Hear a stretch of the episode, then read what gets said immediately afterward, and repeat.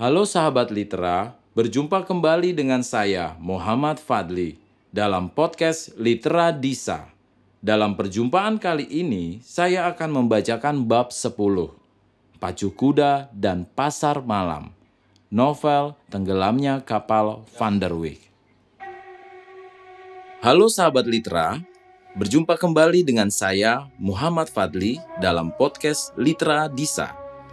Dalam perjumpaan kali ini, saya akan membacakan bab 10 novel Van der Wijk.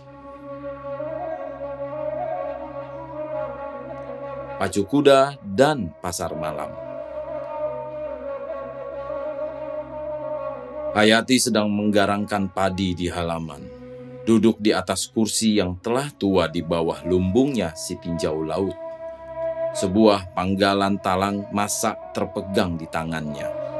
Tiba-tiba datanglah seorang anak kecil yang tadi kembali dari kubu Kerambi membawa surat dari Padang Panjang. Berdebar hati Hayati menerima surat itu. Tetapi kuranglah debarnya setelah dilihatnya bahwa alamat surat itu dari tulisan perempuan. Ia kenal tulisan itu, tulisan Khadijah, sahabatnya. Dia naik ke atas rumah, terus sekali naik anjung, di sinilah Dibukanya sampul surat itu. Demikian bunyinya. Sahabatku Hayati, suratmu yang terkirim dua Jumat yang lalu telah mafhum saya isinya. Engkau mengatakan ingin sekali hendak bertemu dengan daku, hendak ziarah ke Padang Panjang, tetapi waktu yang terluang belum ada. Halangan amat banyak dari mamamu. Saya tahu itu, engkau ingin hendak ke padang panjang, menjejak tepi guguk malintang, saja pun jadilah. Engkau hendak mengisap udara di negeri tempat tinggal kekasihmu, Zainuddin. Sayang, saya belum berkenalan dengan dia dan belum tahu bagaimana rupanya. Bagaimana agaknya bentuk anak muka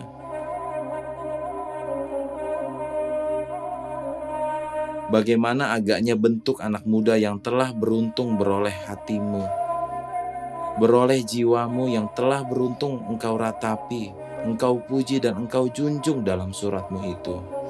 Siapakah dia? Bagaimanakah agaknya rupanya orang yang engkau izinkan mencintai hayati? Bunga melur sunting batipuh, limpapas rumah nan gedang itu. Hayati, Tentu orang yang sebagai engkau ini banyak memperhatikan perjalanan tanggal dan bulan tua. Tentu engkau ingat bahwa bulan di muka telah masuk bulan Juni. Sudahkah direkatkan orang di stasiun Kubu Kerambi atau di Lepau di Lubuk Bau programa pacuan kuda dan pasar keramaian? Alangkah ramainya pacuan dan keramaian kelak engkau boleh datang ke Padang Panjang. Tinggal di rumahku seminggu lamanya. Lepaskan raga hatimu, kecap udara pagi yang dibawa angin dari puncak Singgalang, Merapi dan Tandika. Bila hari panas kita pergi mandi-mandi ke lubuk mata kucing, tentu ayah dan bundaku, karena kami di kota bukan di bawah pengaruh mama, akan memberi izin apalagi saudaraku Aziz yang bekerja di Padang dapat pula perlo. 14 hari, dialah jadi teman kita kelak. Minta izinlah kepada mamamu, datanglah ke Padang Panjang. Kamarku sendiri akan kuhiasi, di tentang pintu akan kutanamkan bunga keranyam. Bunga yang sangat engkau sukai, yang rupanya kesat dan hanya daunnya saja yang harum tidak pernah berbunga selama hidupnya, tetapi selalu kulihat engkau siram di pot bungamu di Patipu. Kepada Mak Tengah Lima, sampaikan salamku. Hadijah. Sekarang keramaian pacu kuda yang akan berlangsung itulah yang menjadi pembicaraan di dalam kampung.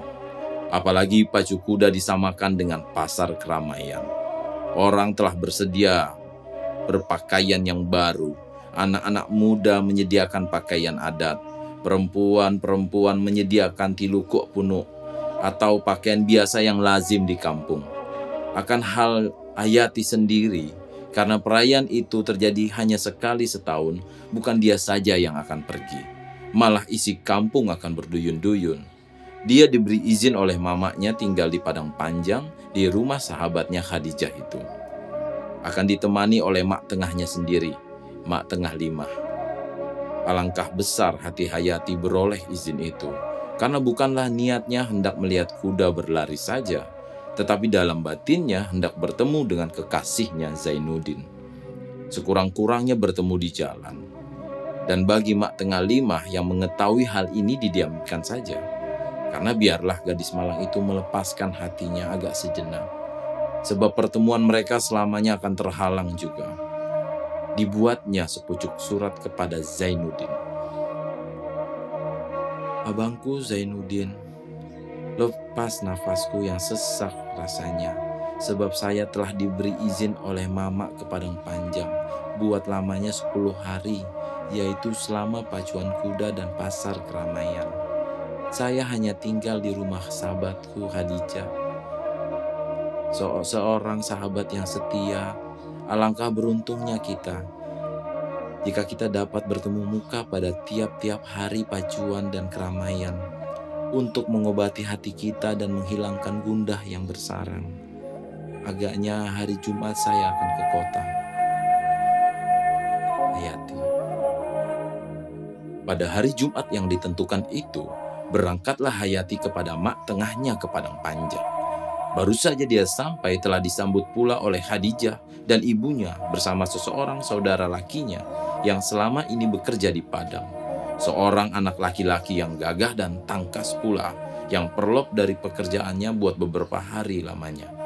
Aziz namanya. Kedua bersahabat ini, Hayati dan Khadijah, amat berlain sekali pendidikan dan pergaulannya. Yang seorang anak kampung yang tinggal di dalam dusun dengan keadaan sederhana, hidup di dalam rumah yang dilingkungi adat dan berbentuk kuno Kehidupan di kampung yang aman itu menyebabkan jiwanya biasa dalam ketentraman, berlain sekali dengan pembawaan Khadijah dan lingkungan keluarganya.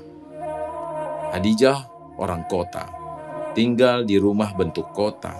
Kaum kerabatnya pun telah dilingkungi oleh pergaulan dan hawa kota. Saudara-saudaranya bersekolah dalam sekolah-sekolah menurut pendidikan zaman baru Susunan perkakas yang ada dalam rumahnya tentu saja jauh lebih menarik daripada keadaan di kampung. Meskipun senantiasa Khadijah menunjukkan muka yang manis kepada Hayati, namun sehari dua itu Hayati masih kaku. Apalagi kalau bukan dengan saudara yang kandung amat berat rasanya berdekat-dekatan duduk dengan laki-laki lain. Tetapi di rumah Khadijah yang bersaudara laki-laki itu dan saudara laki-laki itu pun banyak pula mempunyai teman sahabat yang leluasa dalam rumah itu. Semuanya menyebabkan Hayati lama sekali baru dapat menyesuaikan diri dalam rumah tersebut. Dilihatnya pakaiannya, dilihatnya pakaian Khadijah, dilihatnya pakaian gadis-gadis lain yang berkeliaran dalam rumah itu memandangi Khadijah. Terasa benar olehnya rendahnya. Dia hanya memakai baju berkurung panjang selendang yang tiada pernah tanggal dari kepalanya. Sedang kawan-kawannya yang lain, di antaranya Khadijah, setengahnya memakai rok, setengahnya berbaju kebaya Bandung yang dijahit menurut model yang paling baru. Tetapi kaku dan bingung itu hanya sehari dua hari. Di hari ketiga sudah mulai agak hilang, meskipun masih berkesan. Semalam sebelum datang waktunya orang berpacu, Khadijah telah mengatur perjalanan mereka besok. Akan diambil beberapa kursi di tribun. Mereka akan duduk menonton di sana. Tiga orang anak gadis keluarganya dari Lubuk Alung dan dari Bukit Tinggi akan turut dan akan ditemani oleh Aziz sendiri. Dan empat orang temannya pula, jadi sepasang-sepasang. Besoknya pagi-pagi mereka telah bangun. Khadijah tengah asyik berhias di dalam kamarnya. Hayati telah membuka bungkusannya pula. Dikeluarkannya selendang sutra yang bersuji tepinya, baju berkurung benang string yang halus, sarung batik pekalongan dan selop. Aziz duduk di luar sambil bersiul.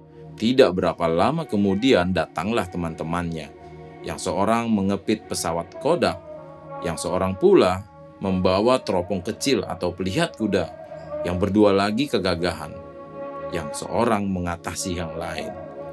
Setelah selesai, keluarlah kedua gadis itu dari kamarnya masing-masing. Mak Tengah Lima pun telah keluar bersama Ibu Khadijah, hendak melihat gadis-gadis itu. Demi setelah bertemu di beranda muka, Khadijah terkejut melihat pakaian kawannya. Setengah tercengang beberapa lamanya dia berkata, Pakaian apa yang kau pakai ini Hayati? Apakah kau hendak sebagai lepat dibungkus? Hayati melihat Khadijah tenang-tenang. Tercengang dia melihat pakaian yang dipakai sahabatnya itu. Kebaya pendek yang jarang. Dari poal harus, dadanya terbuka seperempat. Menurut mode yang paling baru.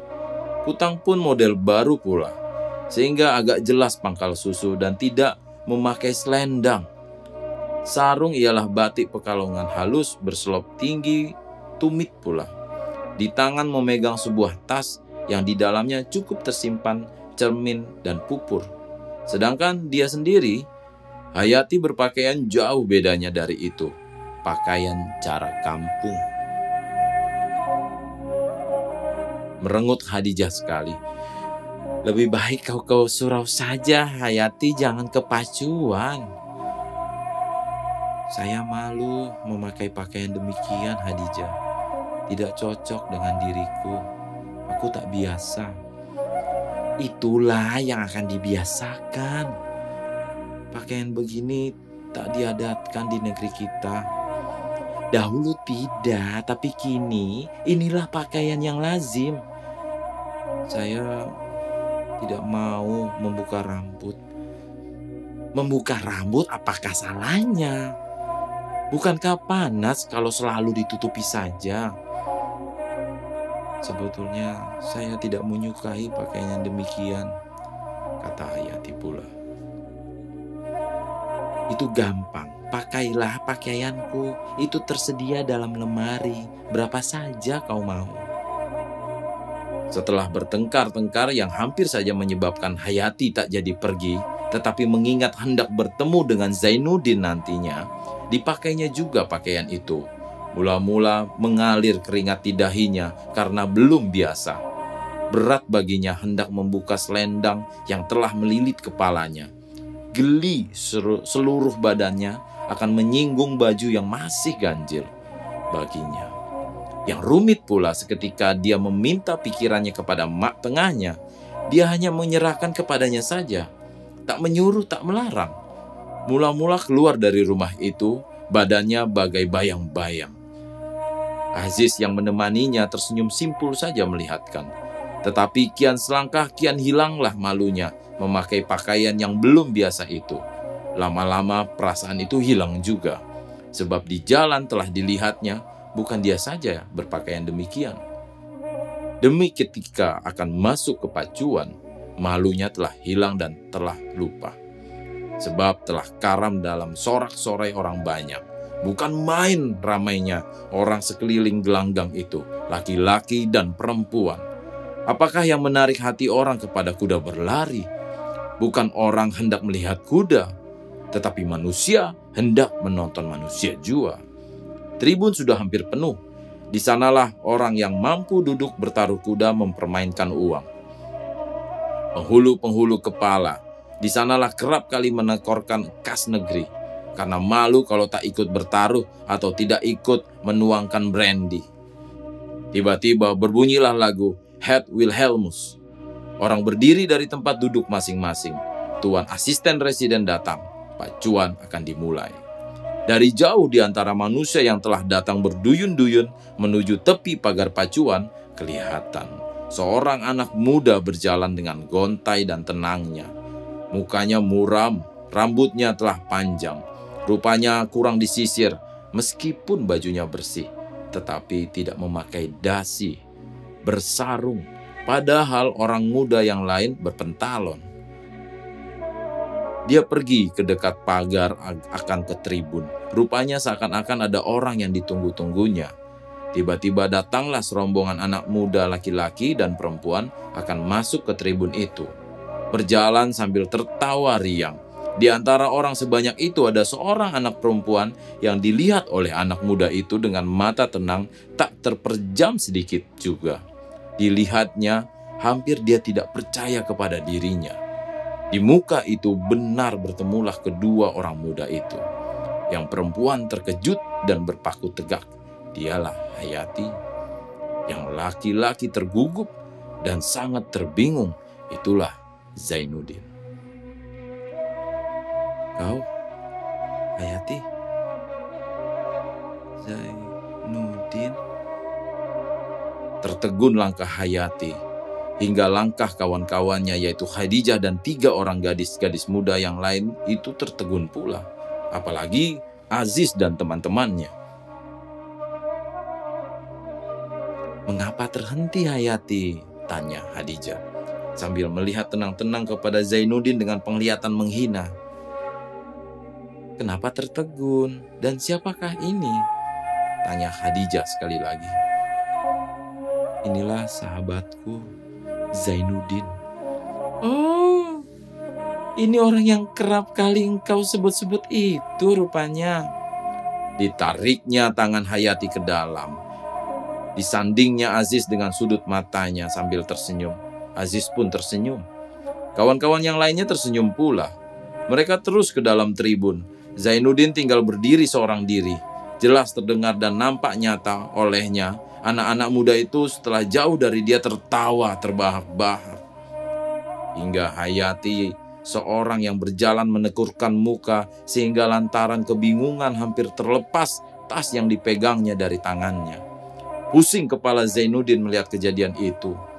Mengalir keringat dingin di keningnya. Dia tegak termangu Suara hiruk pikuk sekelilingnya seakan-akan tak didengarnya. Kuda yang baru dilepas telah disorak-soraki orang berkali-kali. Sebentar kedengaran, again, again. Sebentar kedengaran, padang, padang. Dan seterusnya. Namun Zainuddin belum juga insyaf di mana dia sekarang. Hadijah, Aziz, dan kawan-kawannya yang lain tersenyum-senyum saja melihat Hayati sambil mengeluarkan senyuman yang agak pahit hatinya. Hadijah berkata, sambil melihat kepada Zainuddin yang berdiri di tepi pagar itu. Itulah rupanya orang yang engkau puji-puji itu, Hayati. Seorang temannya berkata pula, Rupanya alim betul kenalanmu itu. Orang banyak berpikir memang begitu, kata yang seorang pula. Tapi model pula saya lihat baju, buka ditutupkan kelepaknya dan tidak memakai dasi. Kata yang lain. Sarungnya sarung bukis, kata yang seorang. Memang dia orang Makassar, kata Khadijah pula. Oh, jadi bukan orang sini, kata yang seorang. Tiba-tiba datanglah seorang opas mengusiri orang-orang yang tegak di tepi pagar karena tak boleh terlalu dekat. Zainuddin turut terusir dengan orang banyak. Teman-temannya tertawa terbahak-bahak melihat kejadian itu. Sedang keringat telah mengalir di dahi Hayati, mukanya merah dan ditekurkannya ke bumi. Orang banyak bersorak-sorak melihat kuda yang menang. Anak-anak muda itu turut bersorak, hanya Hayati saja yang terdiam. Ai, mengapa mukamu merah Hayati? Tanya Khadijah. Kepalaku, kepalaku sangat sakit, katanya. Lebih baik kita selesai segera pulang. Tidak beberapa saat mereka duduk dalam tribun itu, mereka pun pulanglah. Memang berbeda sekali perasaan jiwa laki-laki dengan perempuan, sebagaimana lainnya kejadian tubuh kasarnya. Laki-laki dan perempuan sama-sama mencukupkan kehidupan dalam percintaan, tetapi filsafat kedua belah pihak dalam perkara cinta amat berbeda. Laksana perbedaan siang dengan malam, tegasnya perbedaan Adam dengan Hawa. Laki-laki bila mana telah menentukan cintanya untuk seorang perempuan, maka perempuan itu menjadi haknya seorang. Tak boleh orang lain hendak ikut berkongsi dengan dia. Jika perempuan itu cantik, maka kecantikannya biarlah diketahui olehnya seorang. Jika suara perempuan itu nyaring, biarlah dia seorang yang mendengarnya. Sebab itu, kalau ada orang lain yang hendak memuji kecintaannya atau mengatakan suaranya nyaring atau menyanjung budi baiknya, semua itu tidaklah diterima oleh laki-laki yang mencintainya tadi. Bertambah banyak orang memuji kecintaannya, bertambah timbullah cemburu dalam hatinya, sebab perempuan itu untuk dia, buat dia, tak boleh buat orang lain. Tetapi takdirnya ada orang yang mencela, mengatakan perempuan yang dicintainya itu buruk, tidak serupa perempuan lain. Kalau ada orang yang menunjukkan belas kasihan kepadanya, sebab dia telah memberikan cinta hati kepada seorang perempuan yang kecantikannya tidak patut mendapat penghargaan setinggi itu. Kalau ada orang mencatat, merendahkan, maka semuanya itu bagi laki-laki yang bercinta tadi akan menambah patri cintanya dan menambah harga perempuan itu di matanya. Tetapi cinta perempuan kepada laki-laki sebaliknya. Laki-laki pada pandangan perempuan adalah laksana dukuh emas yang tergelung di lehernya, atau gelang bertahta berlian yang melilit tangannya, perhiasan yang akan dibanggakannya kepada kawan sesama gadangnya. Seburuk-buruk kecintaan akan lupa dia keburukan itu. Kalau laki-laki lain atau perempuan lain memujinya dekat, ia, mengatakan dia seorang laki-laki tangkas berbudi, ternama, termasyur, dan lain-lain sebagainya. Maka nyatalah bahwa cinta perempuan kepada laki-laki lebih banyak berdasarkan ketakburan daripada kenafsuan.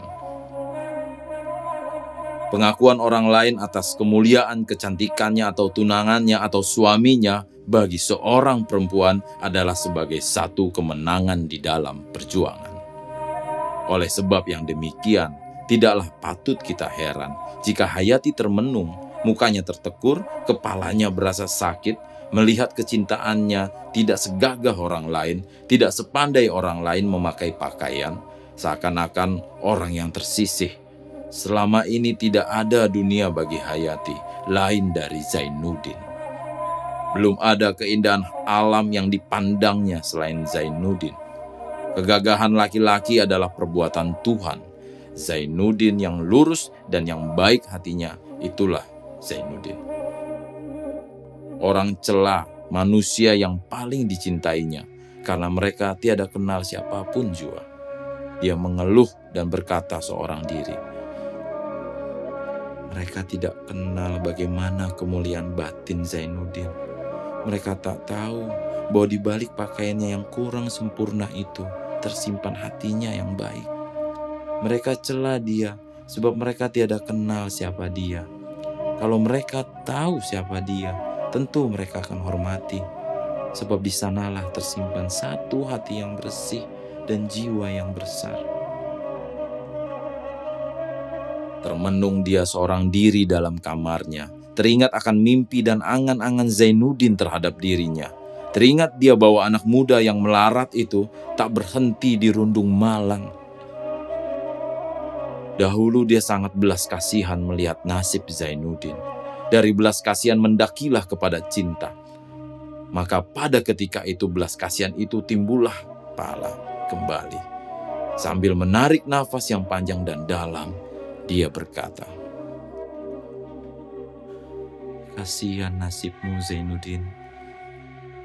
Dari itulah belas kasihan mendaki ke puncak bukit cinta. Sekarang telah menurun kembali kepada lurah kasihan dan cinta bila mana telah menurun kepada belas kasihan, tandanya lama kelamaan dia akan berangsur turun.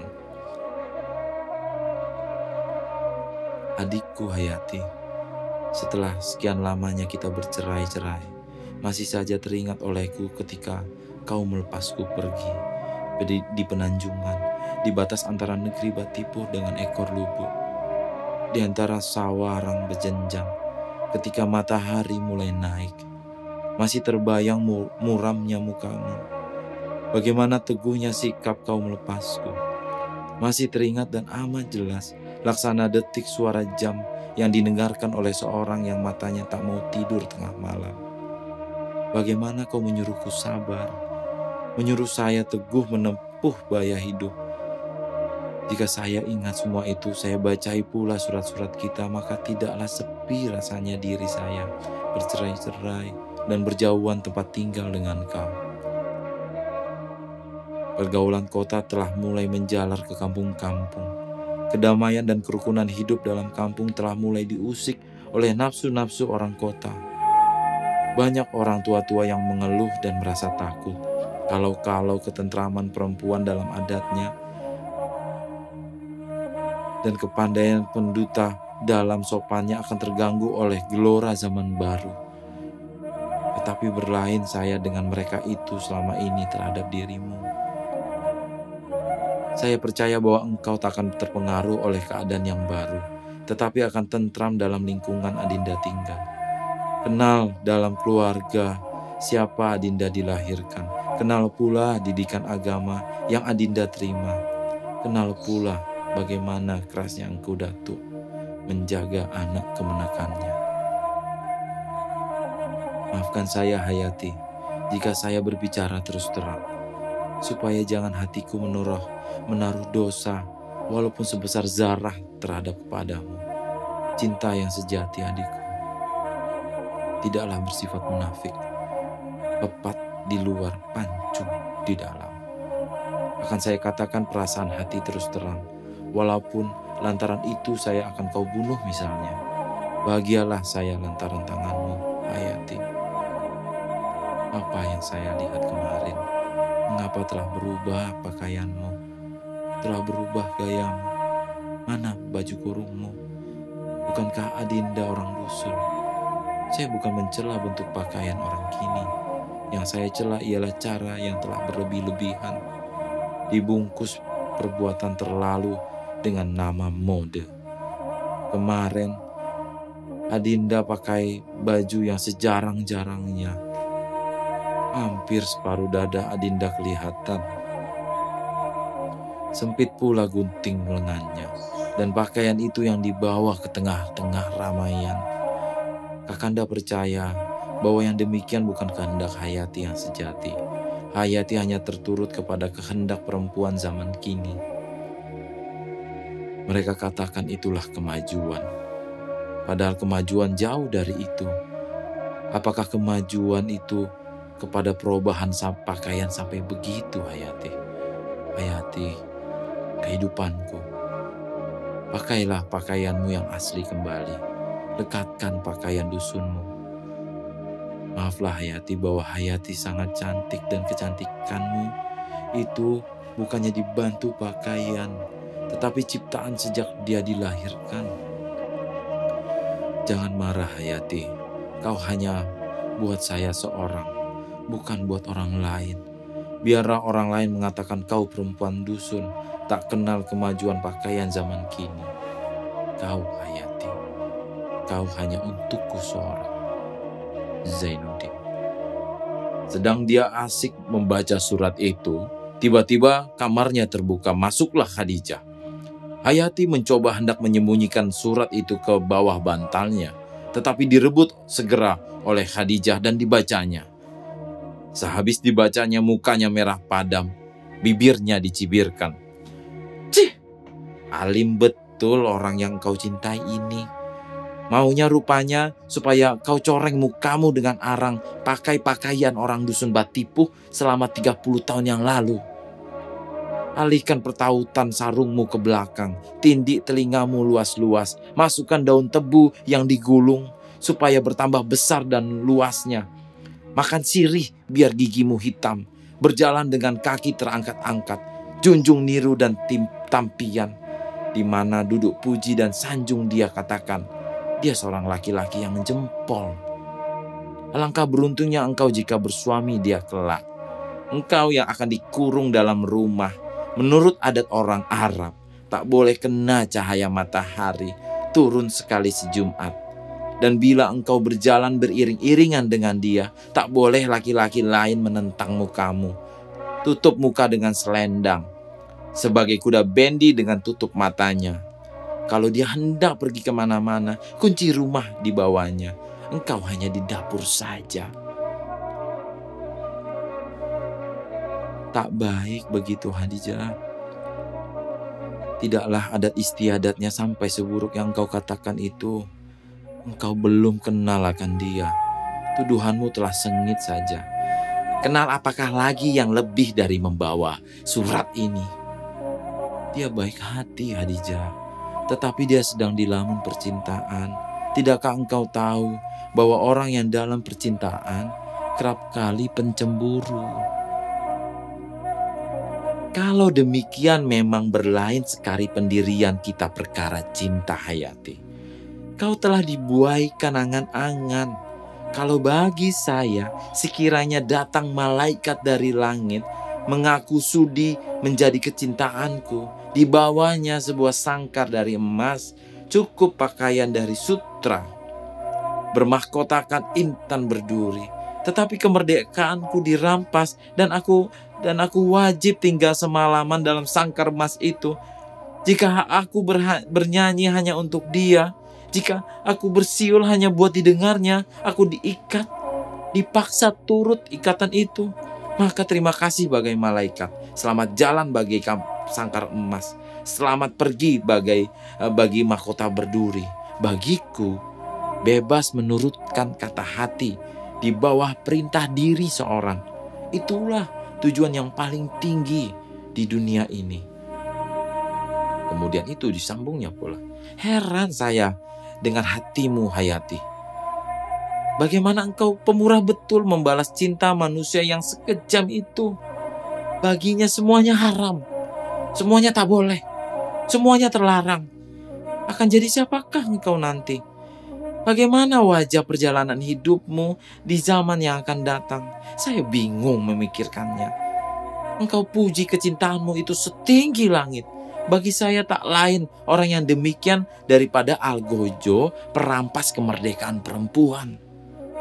Hayati yang cantik, yang menerbitkan iri hati dalam kalangan kawan-kawannya akan ke manakah hilangnya kecantikan itu akan jadi korban dari nafsu seorang yang kejam yang hendak mengikatnya menjadi permainannya. Hayati, Hayati, mudah hanya sekali sahabatku. Coba kau pikirkan baik-baik hari kemudian. Berkali-kali engkau menyebut nama Tuhan, seakan-akan kami yang lain ini tidak bertuhan pada pemandanganmu. Padahal tidaklah Tuhan sekeras itu aturannya. Dia tidak memberati manusia lebih dari pada kuat kuasanya.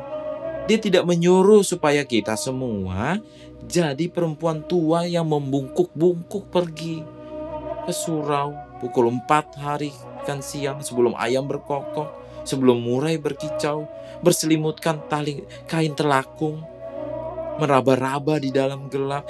Jangan hayati, Mari kita ambil kesempatan selagi badan muda.